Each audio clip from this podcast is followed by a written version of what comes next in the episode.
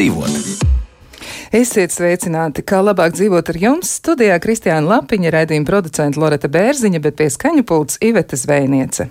Šodien runāsim par to, kam jābūt mājas aptieciņā, jo lielai daļai gan Covid-19 pārslimojušo, gan arī citu cilvēku, kuriem ir veselības problēmas, droši vien būtu jābūt mājas aptieciņai un būtu jājauto arī, kā mēs varam palīdzēt paši sev. Lielākā daļa no cilvēkiem pārslimo eh, Covid-19, piemēram, vieglā formā, tomēr arī mājās, lai mēs palīdzētu organismam tik galā ar vīrusu, ir svarīgi ievērot dažādas ārsta norādījumus un arī nodrošināties ar nepieciešamajiem medikamentiem un arī medicīnas ierīcēm. Mēs šodien gribam jautāt, kam būtu jāatrodas Covid-19 pacienta mājas aptieciņā, un arī, protams, nu, mēģināsim precizēt, ko tad varētu ap, mājas aptieciņā turēt arī citi cilvēki. Ja pat nav gadījies un, un par laimi nav gadījies saslimt ar Covid-19, bet ir kāda cita liga. Nu, ko, mēģināsim noskaidrot, kas ir kas, un sarunā esam aicinājuši piedalīties tieši šī iemesla dēļ mēnesis aptieks farmaceita Ievu Vīrza. Sveicināta! Labrīt! Un arī kopā ar mums ir Ingers Burlaks, ģimenes ārsts, veselības centra apvienības elite, eh, dakteris, tā var teikt. Tā nu ir. Jā, lūk, nu tad jūsu, jūsu, kā saka, profesionāliem un, un, un tādi darba nosaukumi ir minēti, visiem viss ir skaidrs, mēs esam jūs pieteikuši, bet eh, tālāk jau mēs runāsim par medikamentiem, par medicīnas ierīcēm, par pacientu stāvokli un arī par to, kā tad palīdzēt. Un man gribētos sākt ar eh, jautājumu ievai virsai, farmaceitai, man gribētos jums eh, jautāt, nu kam tad būtu jābūt mājas aptieciņā, un varbūt sāksim ar Covid-19 pacientiem, jo, nu, tomēr tur ir tādas dažas specifiskas lietas, un tad arī pēc tam virzīsimies tālāk uz priekšu arī vienkārši par mājas aptieciņu runājot.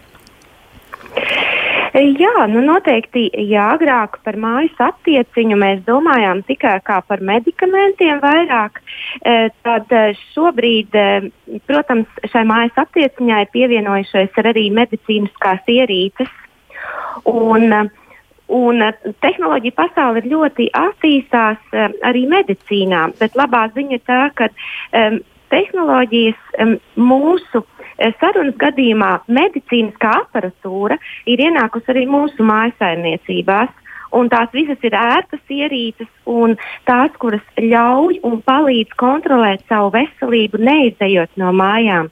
Tātad īpaši arī runājot par šo laiku, īpašo laiku, kad jābūt piesardzīgiem, eh, kad dažkārt varbūt ārsta konsultācija un doties pie ārsta nav iespējams vai nav tik ērti. Tātad mēs varam paši palīdzēt, mēs varam uh, veikt visas norādījumus, ko ārsts mums ir uh, licis. Varbūt tādā veidā mēs arī uh, nenonākam līdz uh, slimnīcai, līdz hospitalizācijai, kas būtu jau nu, tāds nopietnāk, nopietnākā. Uh, saslimšanas gadījumā.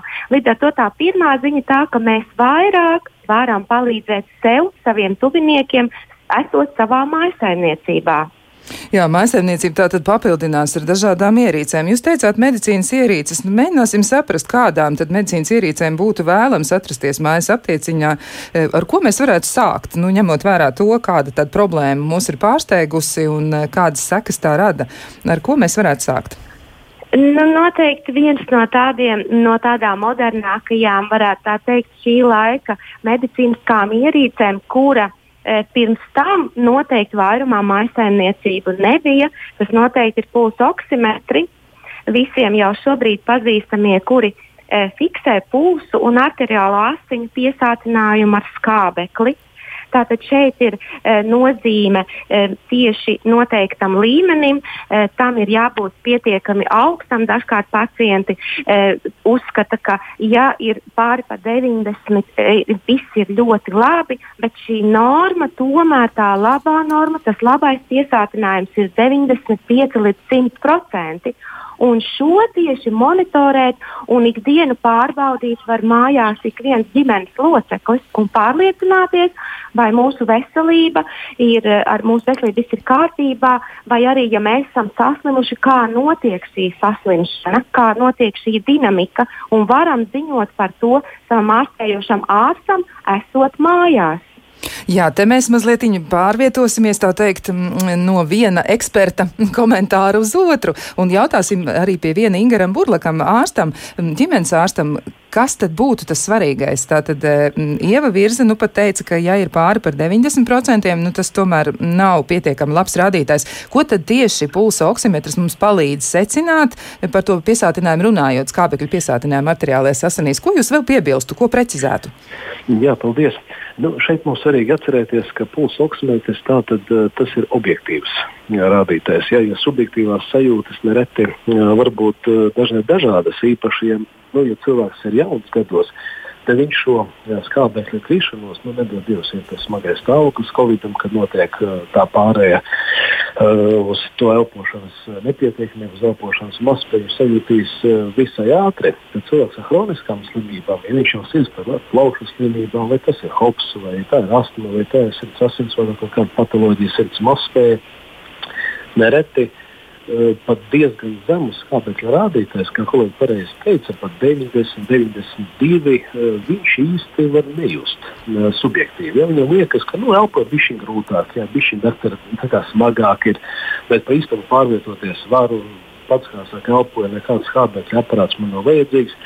Bet uh, objektīvi izmērot šo saturāciju, mēs redzam, ka tomēr ir 92 jau. Ja? Nu, tas jau ļoti nopietns zvans. Tad, ja notiek jāsaka ārstam nu, vai ģimenes ārstam vai uh, ātrās palīdzības dispečeram, kur arī attiecīgi var objektīvi pateikt, ka vienkārši man ir slikti, ja? bet cik slikti lūk, parāda šis aparāts. Respektīvi, viņš spēja objektīvi parādīt to stāvokli, kurš uh, nereti subjektīvi nemaz nav jūtams. Uh, pie kam? Uh, tiešām šī monitorēšana palīdz uh, nu, nenovest to stāvokli līdz tam brīdim, kad uh, saturācija jau nokristusies vēl zemāk. Ja mēs redzam, ka slimība ir sākoties, kāpēc mēs arī to monitorējam, saturācija var būt 95, 96, un viņa krītās pakāpeniski. Tad pacients saka, ka nu, šodien daktar 95, 94, nākamajā dienā jau tā kā 93, tu jau redzi, ka tā dinamika ir negatīva tu jau cilvēku laicīgi vari hospitalizēt, sūtīt uz slimnīcu un novērst nu, tādu smagāku krīzi un līdz ar to palīdzēt ātrāk atvesļoties. Tas nozīmē, ka mēs varam noķert stāvokļu pasliktināšanos ļoti sekmīgi. Nu, jā, pat uh, dinamikā. Jā, dinamikā. Ne tikai jau tajā smagajā stāvoklī, bet jau dinamikā redzot to tendenci un samazināšanos. Jā, bet tad cik bieži būtu jāreģistrē skābekļa piesātinājums asinīs, vai ko jūs ieteiktu Covid pacientam? Nu, tas varbūt tāds, nu, droši vien, ka tas ir atšķirīgi arī no situācijas, varētu atšķirties, bet, nu, tomēr varbūt ir kādas nu, vadlīnijas. Pat cik, pat cik mēs sakam, ka visumā šī ierīces lietošana ir ārkārtīgi viegla. Ja viņa parasti uz pirksta ir uzliekama, un faktiski cilvēks var noteikt, tur nevajag nekādas speciālās zināšanas, uzliek uz pirksta un redz tos ciparus. Jā, tad uh, faktiski uh, nu, mērīt var kaut nu, reizi divās, trijās stundās. Ja, pilnīgi mierīgi. Tātad sekot sev līdzi. Jā, jautājums atkal ievai virzē. Vai jūs varbūt varat precizēt arī to, kā atšķiras oksimetri? Vai tur ir jāņem vērā, kas vai viens oksimetrs būs universāls un pielāgots gan, gan vecmāmiņai, gan, gan mazam bērnam, kurš mājās dzīvojas un varbūt ir sasirdzis? Vai tur ir kaut kas īpaši jāņem vērā un kā to pareizi izdarīt, kā pareizi nomērīt? Nu, savā ziņā pulsa oksimetri ir diezgan tāds, tāda universāla ierīce. Eh, protams, vienmēr atšķirsies, kā jau visas tehnoloģiskās ierīces atšķirsies gan dizaina ziņā, gan, protams, cenas ziņā, kas ir atkarīgs e, tikai no ražotāja, no ražotāja valsts. Līdz ar to, e, manuprāt, e, tam, tam nav tik izšķiroša nozīme. Ja, bet lietošana visiem visiem pulsu oksimetriem, kas arī bijuši pie mums mēneša aptiekā, mēs novērojam to, ka viegla, ērta lietošana, kā jau kolēģis dr. Burlaks minēja, ka ļoti viegla, savā ziņā viegla, netraucējoša. Tātad pārsvarā visiem ražotājiem pulsu oksimetra komplektācijā ir jau arī pievienotas baterijas. Līdz ar to tas ir gatavs lietošanai. Lietot var jebkurš ģimenes loceklis, nav ierobežojuma. Um, nolasīt rezultātu ir viegli, ātri, ērti un, un tiešām mēs varam to monitorēt kaut vai ik pa divām, trim stundām. Tā kā, manuprāt, liela atšķirība starp, starp šīm medicīniskām ierīcēm tiešām nav. Katrs var izvēlēties kā, pēc cenas ziņā ekonomiskāku, vienkāršāku, skaistāku, bet tam nav izšķirošā nozīme. Jā, tātad mēs varam aizstāvēt uz tuvējo aptieku vai paskatīties internetā un atradīsim sev piemērotāko ierīci. Skaidrs, tātad tam jā, ir jābūt. Jā, Labi, jā. bet um, jā, nu, mums ir arī tāda piezīme. Mums viena no klausītājām raksta, ka sāk izklausīties pēc pašārstēšanās, un ko par to saka ārsts. Sapirksim visus aparātus un noteiksim sev diagnozi paši. Un varbūt Burlaka kungam ir kaut kas, ko piebilst, tomēr, nu, lai nebūtu tā, ka ir tāda pārliecība jau radusies dažiem, varbūt vai tāda, nu, nu, tāda sajūta, ja, ka tagad jā. mēs paši sevi ārstējam ārstēsim? Noteikti pašārstēšanās nav nepavelti. Valsts arī noteikusi un valsts apmaksā Covid pacientiem par šo pulsu oksimetriju. Radās tāda kritiska situācija, kad nav iespējams nopirkt cilvēks, ir saslimis, tā ir karantīna vai izolācija, nevar iziet ārā no mājām. Valsts nodrošina veselības dienas apmaksā šo pulsu oksimetru piegādi, ne, ko veiks privātie pakalpojumu sniedzēji, bet valsts to finansē līdz 30 dienām, ko apstiprinātai dienai, lai cilvēks varētu šo monitorēšanu veikt. Un ja mēs runājam par covid pacientiem, tad arī noteikti ir tā sazvanīšanās starp ģimenes ārstu un pacientu. Un, redzat, kad vēl nebija pir pirmā viļņa laikā, kad vēl nebija šis teiksim, pakalpojums ievies, protams, mēs teiksim, vadījāmies vai pēc pulsa vai pēc elpošanas, nu, bet vairāk vai mazāk tās ir tomēr tādas uh, objektīvas, objektīvi mērījumi, kas robežojas no nu, cilvēka subjektīvām sajūtām. Viņš sāk vairāk uztraukties, vai nepareizi pamēra savu pulsu, vai nepareizi saskaita elpošanu. Šeit tomēr tas ir objektīvs rādītājs, ko mums parāda ierīce.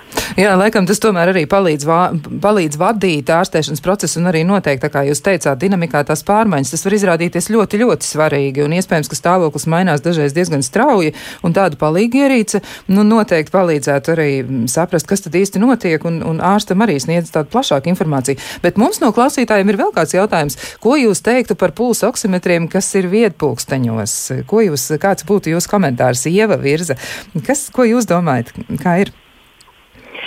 Um, Visnotaļ noteikti arī atbalstu, atbalstoši, ko mēs varam ikdienā veikt, varbūt neieguldot līdzekļus, pērkot atsevišķu vēl oksimetru, pusoksimetru, teiksim, aptiekā.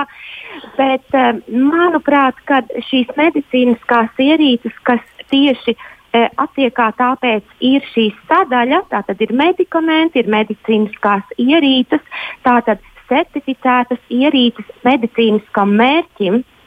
Un e, šie pulksteņi, um, jā, tās ir jaunākās tehnoloģijas, jā, kādu ieskatu tas mums var dot kādā brīdī, uh, bet es laikam lietos kā pārbaudīt savu veselību un monitorēt mēs tomēr varam ar medicīniskām ierīcēm. Pulksteni, e, jaunākās paudzes, šie būs tāds ieskats, varbūt sportojot, mēs redzam savu pulsu. Jā, mēs atkal varam monitorēt, lai, lai šis pulss nebūtu par augstu. Vairāk noteikti tas tiešām domāts ir um, jaunajiem cilvēkiem, sportistiem, aktīviem cilvēkiem, bet uh, pulsa oksimetri, uh, kas ir mājās, noteikti pirmām kārtām tiešām domāti arī senioriem, viegli lietojami, viegli saprotami. Un, protams, arī e, medicīniska ierīce tam ir savs lielais pluss. Skaidrs. Tātad tomēr labāk būtu izvēlēties certificētu ierīci un to arī atbilstošam mērķim jā. var lietot. Nāk, jā. jā, nākamais jautājums ir par to, kam vēl vajadzētu būt mājas aptieciņā. Vai tas varētu būt arī spiediena mērītājs? Spiediena mērīšana arī šeit ir nepieciešama lieta. Protams, vispār, ja mēs runājam par mājas aptieciņu medicīniskām ierīcēm, tad e, tieši katras mājasaimniecības šī aptieciņas saturs būs ļoti atkarīgs no tā, vai ģimenē ir bērni, mazi bērni, vai ir seniori, vai savukārt ir eh, ģimenes locekļi, kam ir kāda hroniska saslimšana. Šīs medicīniskās ierīces tāda šajos gadījumos atšķirsies. Un, eh, protams, mēs. Mm, Viens no tādiem pazīstamākajiem, protams, kas arī iepriekš ir bijis mūsu mājsaimniecībās, ir asinsspiediena mērāmie aparāti, tonometri, bet noteikti var būt uh, pakāpīti pirms es gribētu minēt, ka uh, tieši saistībā arī ar Covid noteikti, kam vajadzētu būt, noteikti vajadzētu būt mājās termometram. Ja? Un arī mūsdienās eh, tehnoloģijas ir gaišas priekš Tie nav parastie mehāniskie, kā agrāk mēs zinām, dzīvesudraba termometri. Termometru klāsts arī aptiekā ir ļoti plašs. Tie ir gan elektroniski dažādi veidi, gan infrasarkanie bezkontakta termometri. Protams, arī mehāniskie tādi kā agrāk dzīvesudraba, tikai tagad tie satur metāla maisījumu speciālu. Mm, un, Tas vairs nav dzīvesudrabs, ja es atvainojos. Tas vairs nav dzīvesudrabs. Tas ne, ir skaidrs, ja, jo tas bija bīstami. Mm -hmm. Jā, tas jā. ir bīstami. Šobrīd uh, tas ir metāla maisījums, tur ir galijas, indijas un alva kopā, kura arī lieliski izmēra mūsu temperatūru, bet nav bīstams. Uh, tāpēc uh, tas uzsvers ir uz termometriem, jo uh, Tas ir nepieciešams vai dažādās dzīves situācijās, gan bērniem, gan senioriem, gan covid sakarā monitorēt arī temperatūras paaugstināšanos. Lai tā nebūtu pārāk augsta, kā mēs zinām, ja, ja tā ir 37, 1, 37, 8, tad tā varbūt ir viegli panesama un mēs varam kādu pāris dienas šādu temperatūru arī mājās atrasties un ārstēt, bet mums galvenais monitorēt, lai temperatūra nebūtu ļoti paaugstināta, tātad 39 grādi un augstāk. Un, ma, ja mazi bērni ģimenē, tad visvieglāk to būs darīt tiešām ar bezkontakta infrasarkanajiem um, termometriem, jo tas lielais pluss ir, ka šie termometri mēra arī e, gan ķermeņa temperatūru, mēs varam izmērīt dažādu šķīdumu temperatūru, virsmas, vidi, tātad telpu. Tātad ļoti plašs pielietojums šādai Jā. ierīcei. Ļoti labi. Doktor Burle, ko jūs teiksiet, kāpēc temperatūru vajadzētu uzmanīt un jo īpaši runājot par Covid-19 pacientiem? Temperatūru mēs noteikti skatāmies un mēram, jo, redzat, Covid, mēs zinām, ir tie uh, viļņi, un tā slim, slimība izplatās ir uh, viļveidīgi un sākumā var būt uh, pat neliela temperatūra pirmās dienas, 37, 37 un 5, un dažreiz pat ir kaut kāda stabilizācija. Un pēc tam, pēc dažām dienām, mums ir strauji temperatūras kāpums, ja, kas norāda uz to, kā zinātnieks saka, uz to citākīnu vētru, to smago reakciju, sistēmiski kaut kad iesaistās viss organisms, ietaisu procesā, progresē tā elpošanas mazspēja, protams, uztver to uh, druģu stāvokli. Nu, jau runājot par to, ka nu, tīri apgrūtinoši. Cilvēkam ir drudis, to var izmērīt, un tad var kādus preparātus, kas to drudzi mazina lietot.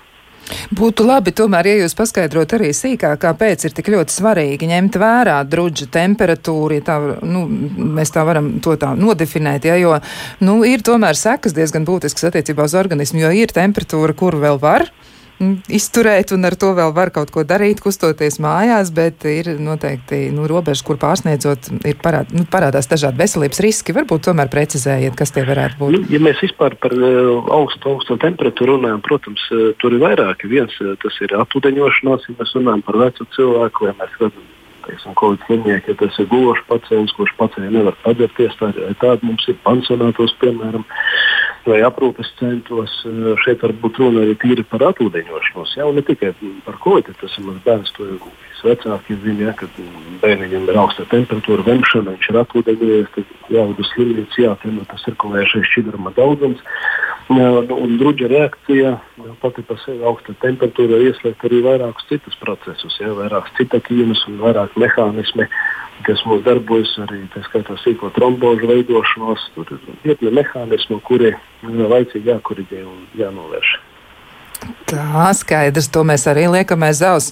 Mm, komentāri no klausītājiem arī par oksimetriem. Ja runājam par pulsu oksimetriem, tad tie, kas ir relatīvi lētos, tā saucamies fitnes pulksteņos, tiešām nevar aizstāt medicīniskos, taču augstas klases sporta pulksteņos esošie nav mazāk precīzi, jo no to pareizi rādījumi ir ļoti daudz kas atkarīgs. Nu, es ticu, ka noteikti arī tādi varētu būt, un gan jau, ka aizvien tehnoloģijām attīstoties, iespējams, ka tiešām tas būs jau tādā labā līmenī. Nu, un vēl eh, klausītāji raksta Mums oksometrs nesen pirkts, bet tomēr vīra gadījumā, ja tātad, ja mē, mēra viņa savam vīram, rādītājs tātad lēkā no 91 uz 94 un atpakaļ. Un par ko tas liecinātu? Nu, tie rādījumi tik ļoti būtiski mainās. Kā tas varētu būt? Doktor Burla, ko tad eh, jūs Jā, nu, komentēt? Tur mums jāskatās, eh, protams, tas cilvēka vispārējais veselības fonds, kā mēs teicām, skābeklis, viņš arī stipri atšķirīgs arī kāds viņš varētu būt smēķētājiem un cilvēkam ar hroniskām plaušu slimībām, protams, sirds slimniekam, tas skābekļa rādītājs arī ikdienā, viņa teiksim, ierastais var nebūt 97, 98, ja, mēs varbūt 93 un 94. Vispār runājot par tiem oksimetriem, es arī vienu tādu būtisku piebildu, tiešām no pavisam lētā gala, kas varbūt mums ir pasūtama no tālajiem austrumu zemēm, varbūt arī nevajadzētu īsti uzticēties, ja, jo vairāk arī kolēģi mēs pirmā viena laikā esam šos pat citu nebija pirkuši, lai pacientiem izdalītu. No, faktiski daudz no viņiem pietiek tiešām vienai, divām reizēm ja, tam pacientam. Tāpēc uzticēties tam, kas nopērkams aptiekā, kā kolēģi pareizi teica, kas ir certificēts, jā, lai tas nokalpotu nu, ilgu mūžu un arī tā precizitāte, lai neklipotu. Tomēr dati ir svarīgi, jā, un, jo tie ir precīzāki, jo vairāk, vairāk mēs varam tiem uzticēties. Jā, vēl man gribētos jautāt, doktoram Būrlakam, arī, kā jums liekas, nu kam vēl vajadzētu būt oksimetrs? Tātad mums ir spiediena mērītājs, arī varbūt arī kā atsevišķi ierīce. Kam vēl būtu jābūt? Es eh, pavisam īsi papildinot par tonometriem, tiešām mūsdienās eh, ienākot ap stāvu dzīves ritmam un uh, nepareizam uzturam, aptaukošanai un visiem ēšanas ieradumiem, mēs redzam, ka arī tās arteriālās hipertenzijas paliek aizvien jaunākas. Jo, teiksim, gados cilvēki jau tagad jau spiediens 30, 35, 40 gados nav nekāds jā, brīnums. Un, jā, vispār kāpēc tonometrs ne tikai lai jā, kontrolētu Uh, to spiedienu, jo tā hipertenzija ir, bet uh, pēc jaunākām vadlīnijām arī pati diagnozes uzstādīšana prasa tieši šo monitorēšanu mājās. Tas nav kā agrāk bijis, kad tu atnāc pie ārsta, tu esi uztraucies, tu esi uh, varbūt tur ceļu nogājis, nepaspēja apsēsties, uzreiz iegāja kabinetā, izmērs spiediens ir 40 un 50. Tagad skaitās, ka cilvēkam uz lapiņu, kā mēs arī darām savā praksē. Jā, cilvēkam iedodam lapiņu, kur ir jāveic tie spiedienu mērījumi divreiz dienā, vismaz teiksim, no rīta pamodot, bez fanātismu, bet no rīta un vakarā. Jā, un tad cilvēks pierast smuki, un tad mēs varam redzēt to kopējo dinamiku. Jā, kāda viņa teiksim, nedēļa, divu nedēļu laikā, un tas ir precīzi atspoguļojums, daudz precīzāks, jā, lai uzstādītu par pašu atrāvās hipertenzijas diagnozi. Ja mēs runājam par ierīcēm, noteikti, kuras jau ir ienākušas mūsu dzīvē, tad tie ir nebulaizeri, jeb izsmedzinātāji, ja, vai inhalātori, kā viņus var nosaukt, kas ir nopērkami aptiekā. Uh, ierīces, kas rada uh, sīko daļiņu dispersiju, šķīdumu daļiņu dispersiju. Jauni, uh, jaunie vecāki to labi zina, jaunās māmiņas īpaši tas varbūt attiecināms uz maziem bērniņiem, kuriem ir tie obstruktīvie bronhīti, uh, bronhiālās astmas, bet arī vecāka gadagājuma cilvēki to sāk plašāk izmantot, kad mājas apstākļos var atbilstoši ārsta norādījumam uh, salikt vairāku teiksim, tādu pat zaļu, teikt, kokteilītes vai fizioloģisku, kas var mitrināt ļoti tādā šķidrā veidā bronhu paplašinošos līdzekļus, hormonus, lai mazinātu tūsku, elpceļos, degunu gļotādā, vai pat dažreiz adrenalīnu, ja tas ir bērns ar laringītu. Ja, nu, visi mēs zinām, bērni ir daudz vecāki no šie rejošie klepi, kas ir regulāri atkārtojas, sezonāli. Uh, jā, kas arī palīdz ļoti daudziem cilvēkiem izvairīties jā, no šīs hospitalizācijas. Ļoti palīdzoši ierīci izklausās, var izmainīt savā ziņā mikroklimatu mājās. Jā, jā un tā ka aizvien plašāk, es domāju, kolēģi man e, apstiprinās, vai pretēji, ja vēl vairāk gados jaunākiem cilvēkiem tiek izmantot un pirkt tā, ja, un izmantot, bet arī vecā gadagājuma cilvēki arī aizvien vairāk viņu izmanto, ja, un arī Covid apstākļos, ja mums ir tie ieaugušie klepi, uh, ja, ar ko mēs varam arī mēģināt kaut kā palīdzēt ar bronhu papildinošiem līdzekļiem, tā vegļu ļoti tāds tūska. Tas arī ir izmantojams mūsdienās. Jā, ievai virzē ir kas piebilstams arī pie gaisa mitrinātājiem. Jā, um, es pilnībā pievienojos kolēģi, kolēģi teiktajam, jo pēdējā laikā, tiešām pēdējos gados, šie nebulāzeri inhalatori ir vie, viena no, no tādām uh, precēm, kuras tiešām izvēlās pārsvarā ģimenes, uh, kur ir mazi bērni, bet, protams, arī uh, vecāku gadu gājumu pacienti, kuriem ir hroniskas saslimšanas. Uh, vien, vēl es varētu pieminēt to, ka šie arī šie nebulāzeri, inhalatori aptiekā pieejami ļoti lielā, plašā klasā. Tie ir dažādi, tie ir domāti gan ģimenes nebulāzeri, kur tā tad ir vairākas maskas visa vei, visiem ģimenes locekļiem, gan zīdaiņu maska, gan bērnu, gan pieaugušo. Ir nebulāzeri arī, kur ir apvienoti ar deguna sekrēta um, aspiratoru. Tātad mēs varam attīrīt ne tikai uh, bronhus, uh, bet arī mēs varam uh, atsūkt šo deguna deguna sekrētu, kas arī ļoti svarīgi gan Covid saslimšanas gadījumā, gan arī daudzas citas augšējo elpoceļu saslimšanas gadījumos. Tātad klāsts ir ļoti plašs. Ir arī tie tīri bērniem, kas ir nebulaizeri, e, kas ir izveidoti skaisti, kur e, tajā brīdī, kad bērniņš elpo šo medikamentu, viņš ar to var rotaļāties un būt mierīgs un, un šo mirkli izbaudīt un nebaidīties mājas apstākļos. Tātad klāsts ir ļoti plašs. Par visu, par visu padomāts, tiešām par visu ir padomāts, Jā. un maziem bērniem arī tiešām var neradīt bažas, un viņi varētu vieglāk to piedzīvot un, un, un nerastos bailes, tas laikam ir tomēr ļoti nozīmīgi. Labi, ka tā. Svarīgi. Labi, ka tā. Jā, tas ir svarīgi. Jā. Nu, ko mēs apceram, ko tad mēs varam ielikt savā mājas aptieciņā, bet par to, ko vēl mēs tur varēsim ievietot un kam noteikti tur vajadzētu atrasties, par to mēs turpināsim sarunu pēc īsa brīža. Kā labāk dzīvot? Jā, turpinām sarunu par to, kam būtu jābūt mājas aptieciņā. Īpaši uzmanību pievēršot tā, tā pacientu grupai, kuriem ir covid-19, bet, protams, arī cenšoties neaizmirst pārējos. Un uzreiz man prātā attaustā aina, piemēram, ar bērnu, kurš ir braucis ar divriteni un neveiksmīgi nokritis. Un te nu ir tas nobrāztais celis. Būtu arī tādā situācijā jāspēj palīdzēt. Tā ka mēs mēģinām saprast, kas ir kas, un eh, mēģinām piepildīt mājas aptieciņu. Tur jau šobrīd mēs esam salikuši diezgan daudz un dažādas lietas, sākot ar pulsa oksimetru termometru un beidzot ar termometru, kuru variācijas arī ir gandrīz vai bezgalīgas. Un, protams, jā, mūsu sarunā piedalās Ieva Virza, farmaceita un Ingers Burlaks, ģimenes ārsts, un tieši viņiem mēs arī jautājam, kam jābūt mājas aptieciņā. Runājot par to, kam tur vēl būtu jāatrodas, ļoti tāda, man liekas, nozīmīga piezīme ir no vienas klausītājas, un viņa raksta tā.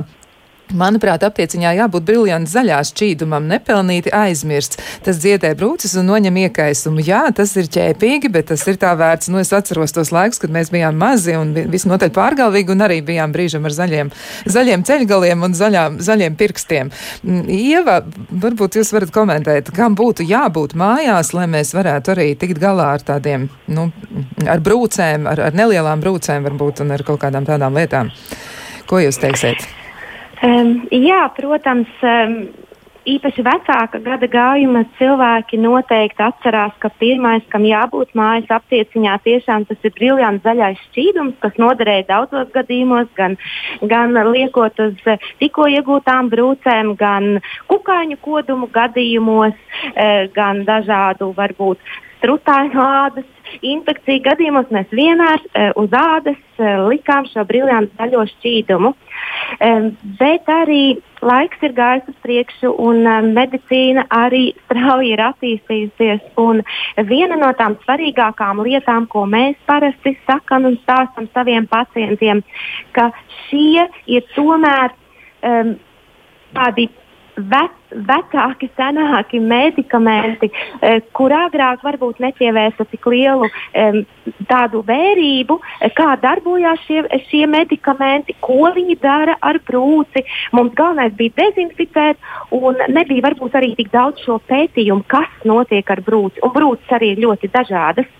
Tāpēc to uzsvaru mēs vienmēr eh, sakam, ka eh, sākam brūci, jebkuru brūci mēs sākam ar skalošanu ar neitrālu šķīdumu, kādi pieejami aptiekās. Ļoti dažādi, ļoti daudz e, dažādi ražotāji ražo šādu šķīdumus, kas domāti pirmām kārtām brūces skalošanai. Jo e, kādēļ e, par šo briljantu zaļo e, varbūt šī attieksme ir mainījusies gadu laikā, jo briljants zaļais ir pārāk agresīva viela brūcei. Tātad kaut nedaudz, bet brūču maliņas tiek apdedzinātas, un šādā veidā šī brūce vairs nevar, vāda pati nevar atjaunoties, epidermas slāņa, um, tā biofilma ir izmainīta, un brūce tik ātri un labi nesadzīst, un ļoti bieži atstāja arī neglītas rētas. Tāpēc mēs mainām pacientiem šo domāšanu par briljantu zaļo un sākam jebkuru brūci ar skalošanu. Tas ir vissvarīgākais.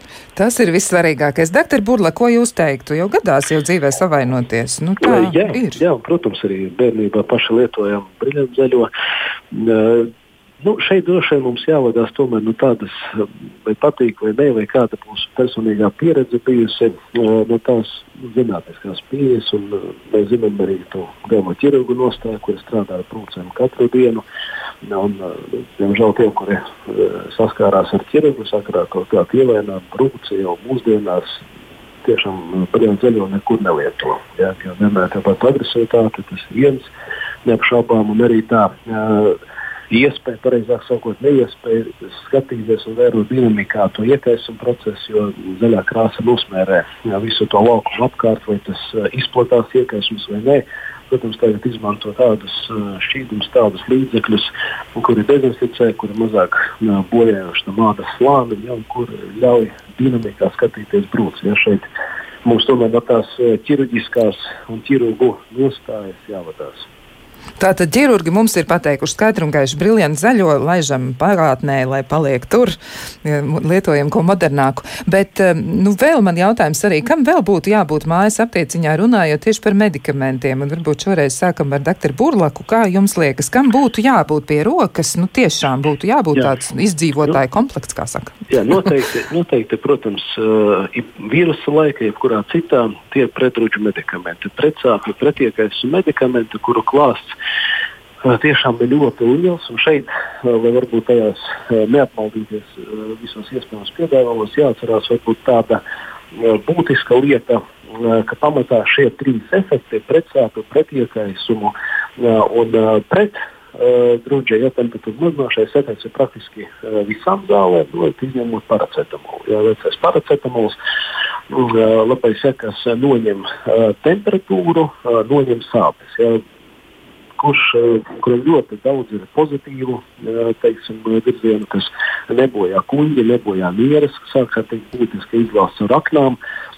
Un eh, drudža gadījumā, galvas sāpju gadījumā, tagad mums ir mazs vakcinācija, pēc profilaks tiek ieteikts pēc vakcīnas tableti vai divas tabletes paracetamola paņemt uz nakti, lai mazinātu tās iespējamās nevēlamās blakus parādības, ja, druģa vai kaut kādas sāpju reakcijas vietā. Bet šeit ir viens būtisks bet ļoti bieži un reti, kad mums bija sezonālie gripi, tas bija īpaši raksturīgs apaugstēšanās, cilvēki lietoja tā saucamos tos pulverīšus, ja, nu, kā sauc tautā pretiekais un pulverīšus ir karstos dzērienus, ko uztais. Jāatcerās, ka arī tur visur iekšā ir paracetamols. Ja, un, ja mēs lietojam tos divus, trīs pulverīšus pa virsmu, tomēr nu, saprātīgi, lai parunātu ar ārstu vai saskaitītu, lai nepārsniegtu to paracetamu atļautu devu.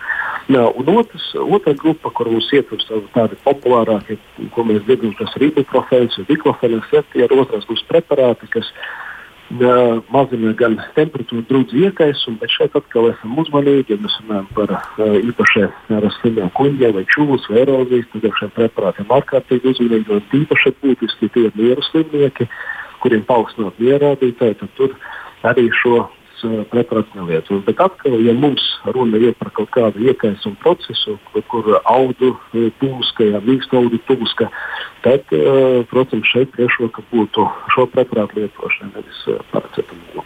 Tā tad arī tomēr tur vajadzētu padomāt, un laikam arī vērts ir aprunāties ar savu ārstu, kura tad būtu labāka izvēle balstoties uz to, kas, kas notiek ar cilvēku.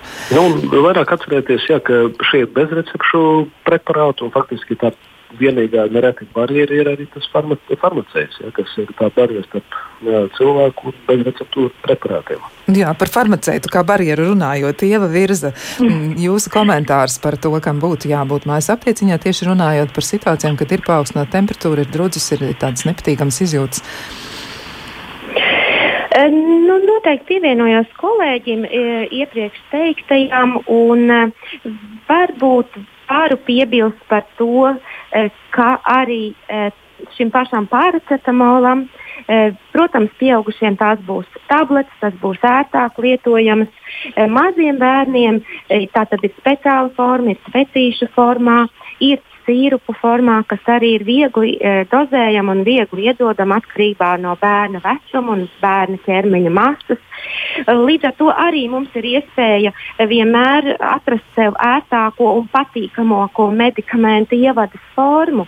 Mm, ja, bet um, par, par grupām, jā, Protams, ka paracetamola grupa un ibuprofēna grupa ir noteikti vispopulārākās pacientu, pacientu vidū un noteikti arī visātrāk un efektīvāk sniedz šo atvieglojumu un ir pirmās izvēles medikamenti pie drūģa un saslimšanas. Tātad to mēs arī ieliekam aptiekā, um, savā mazajā mājas aptiekā. Tā, nu, tā, tādu mēs esam veidojuši. Un klausītājs savukārt vēl pievieno dažas idejas attiecībā uz to, ko varētu vēl turēt mājas aptieciņā. Un viena no klausītājām raksta tā, ka lielisks līdzeklis ir propolis spirtā. To izmantoja pie nelieliem iekaisumiem, odu kodumiem. Un, protams, ir jāuzmanās, ja ir plašas un asiņojušas brūces. Nu, laikam tas arī būs stāsts par tādu diezgan spēcīgu un jaudīgu vielu. Mm, varbūt Ieva Virza var komentēt. Jā, spēcīgi un, uh, spēcīgi un jaudīgi noteikti no vienas puses jā, jo tātad pašā nosaukumā jau ir propolises spirta šķīdums, tātad satur augstu koncentrāciju spirta, uh, kas ir labs kā dezinfektors, bet arī kādai atvērta, atvērtai brūcei tas var nodarīt vairāk ļaunumu nekā labumu. Propolis, protams, ir sen pazīstama dabas viela, ko lieliski, lieliski tiek pielietota dažādu, es teiktu, vieglāku saslimšanu gadījumā, arī profilakses gadījumā mūsu pacientiem ļoti patīk um, propolisa produkti. Uh, Tā kā izvēloties, protams, attiecīgo saslimšanu uh, un, un vecumu, noteikti, ka jā, šīs dabas vielas vienmēr ir bijušas populāras un, un la, latviešu, latviešiem tās patīk lietot. Tas nav nekas, uh, nekas slikts, tas ir ieteicams. Man vēl gribētu. Tas ir pareizi. Jā, jā.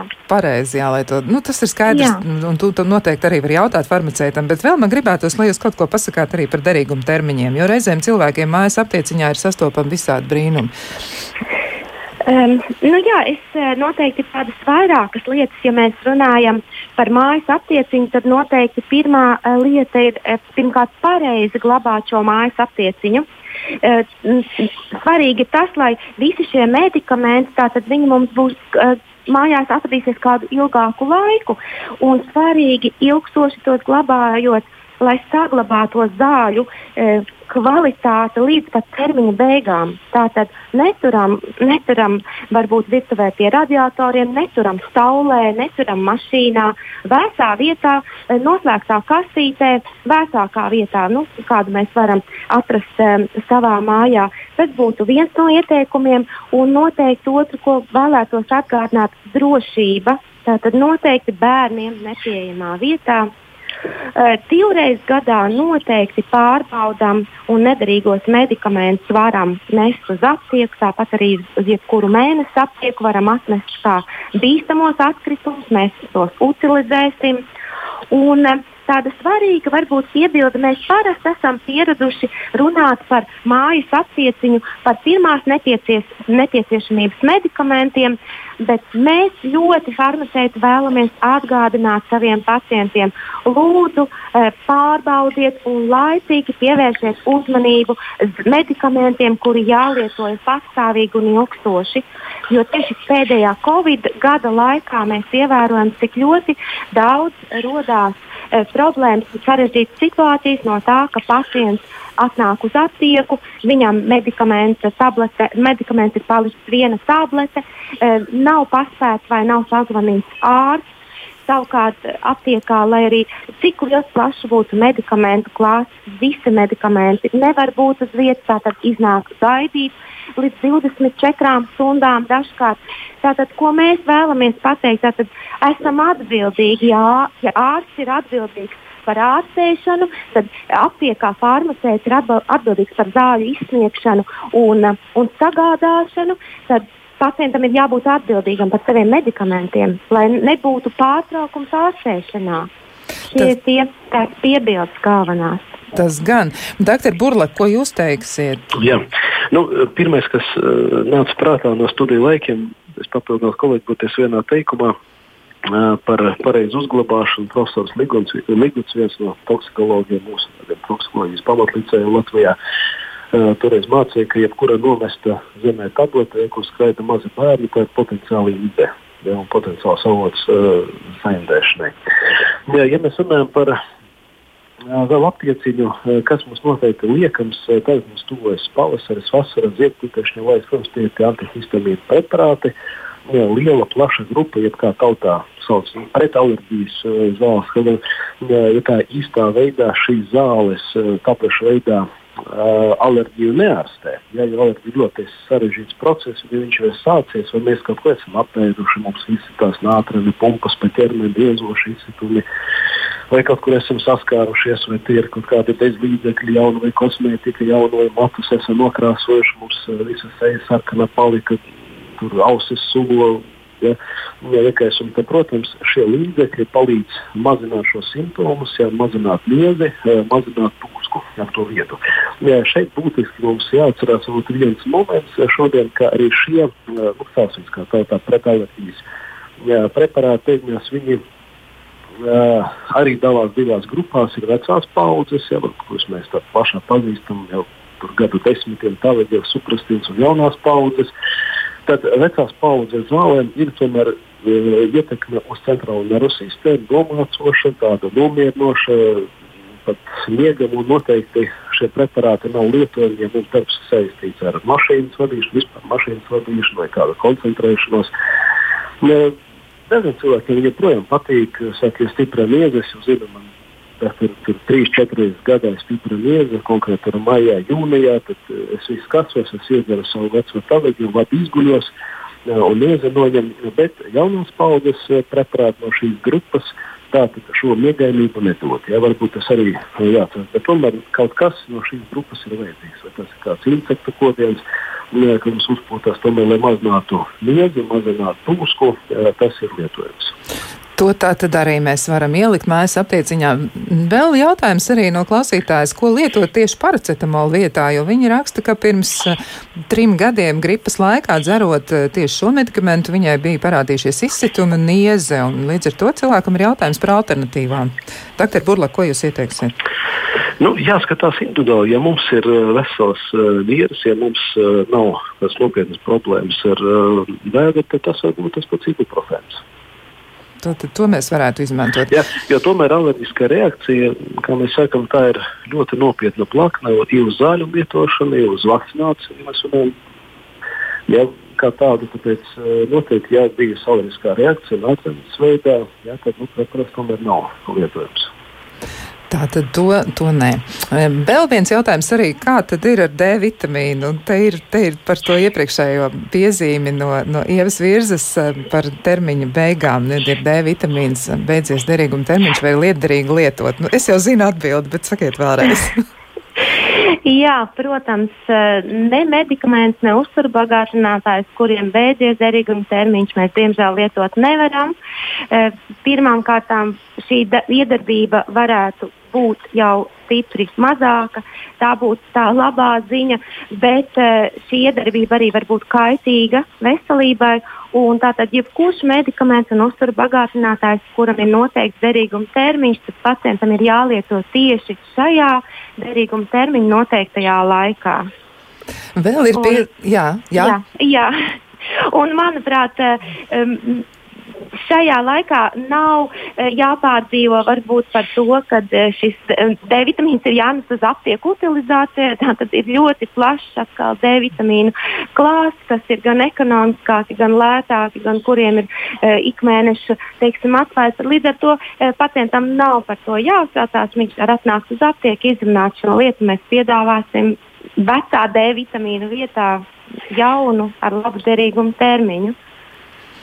Tātad to noteikti ņemam vērā. Un, jā, man liekas, tā piezīme par to, ka medikamentus ir jāutilizē un tas ir jādara atbilstošā veidā, tā ir ļoti svarīga. Jo nu, kāds, cits, kāds cits cilvēks varbūt var šo medikamentu uziet, un tad var sakas būt diezgan nelabvēlīgas un reizēm pat tādas visnotaļ nopietnas. Tādas ļoti, ļoti svarīgas lietas. Nu, klausītāji arī ir secinājuši, ka viņiem ir nu, tādas, jau, var teikt, jau savas, savas, savas lietas, ko viņi skaidri zina, ko viņi noteikti ieliks aptieciņā. Un vēl viena no tādām, manuprāt, būtiskām piezīmēm ir par C vitamīnu. Jo viena no klausītājām tieši tā arī raksta. Viņa arī atzīmē, ka jābūt paracetamolam eh, un eh, nu, arī vēl citām lietām, bet viņa saka, ka jābūt arī C vitamīnam. Doktor Burlak, nu tad noslēdzot mūsu sarunu par C vitamīnu. Tiešām ļoti jā. populārs un bieži lietots. Ne tikai populārs un droši vien, jā, to mēs esam varbūt palaiduši garām šodien runājot par to, kam jābūt attieciņā. C vitamīns ir arī Faktiski vairāku vadošo valstu vadlīnijas ir ārstēšana ar covid un profilaksē. Ja, ja mums ir saslimšana ar covid, tad uh, tiešām lielās devās C vitamīns ja, pa gramam dienā. Tā skaitā arī D vitamīns lielās devās, tie 4-8 tūkstoši vienību dienā ir lietojams, ja, lai uh, uzlabotu organisma spēju pretoties šai infekcijai. Tāpēc droši vien jā, C vitamīns ir, ir uh, ieņēmis arī savu vietiņu mūsu attieksmē. Vismaz uz to vīrusu laiku noteikti, ka vīrus ar mums paliks diemžēl daudzus gadus, kā lai zinātnieki. Tāpēc tas ir izmantojams. C vitamīnu arī pieliekam klāt. Skaidrs. Tātad mums ir diezgan daudz jau vis visādu lietu, ko mēs esam saliekuši, salikuši mājas aptieciņā, sākot ar medicīnas ierīcēm un beidzot arī ar eh, pašiem medikamentiem. Nu, droši vien jau, ka visos tajos gadījumos, kad eh, kaut ko gribas tur papildināt vai gribas saprast, kam tur būtu jābūt, ir vērts aprunāties ar savu ģimenes ārstu. Jā, mūsu saruna, manuprāt, ir izvērtusies diezgan, diezgan tāda interesanti. Tajā nozīmē, ka bija daži atklājumi par par tiem medikamentiem, kuriem tur patiesībā pat nevajadzētu būt. Es atcerēšos par briljantu zaļo. Bet es gribu teikt lielu paldies farmaceitei Ievai Virzai un ģimenes ārstam Ingaram Burlakam, kura palīdzēja mums saprast, kam tieši tad būtu jābūt mājas aptieciņā un no kā mēs arī droši varam atteikties.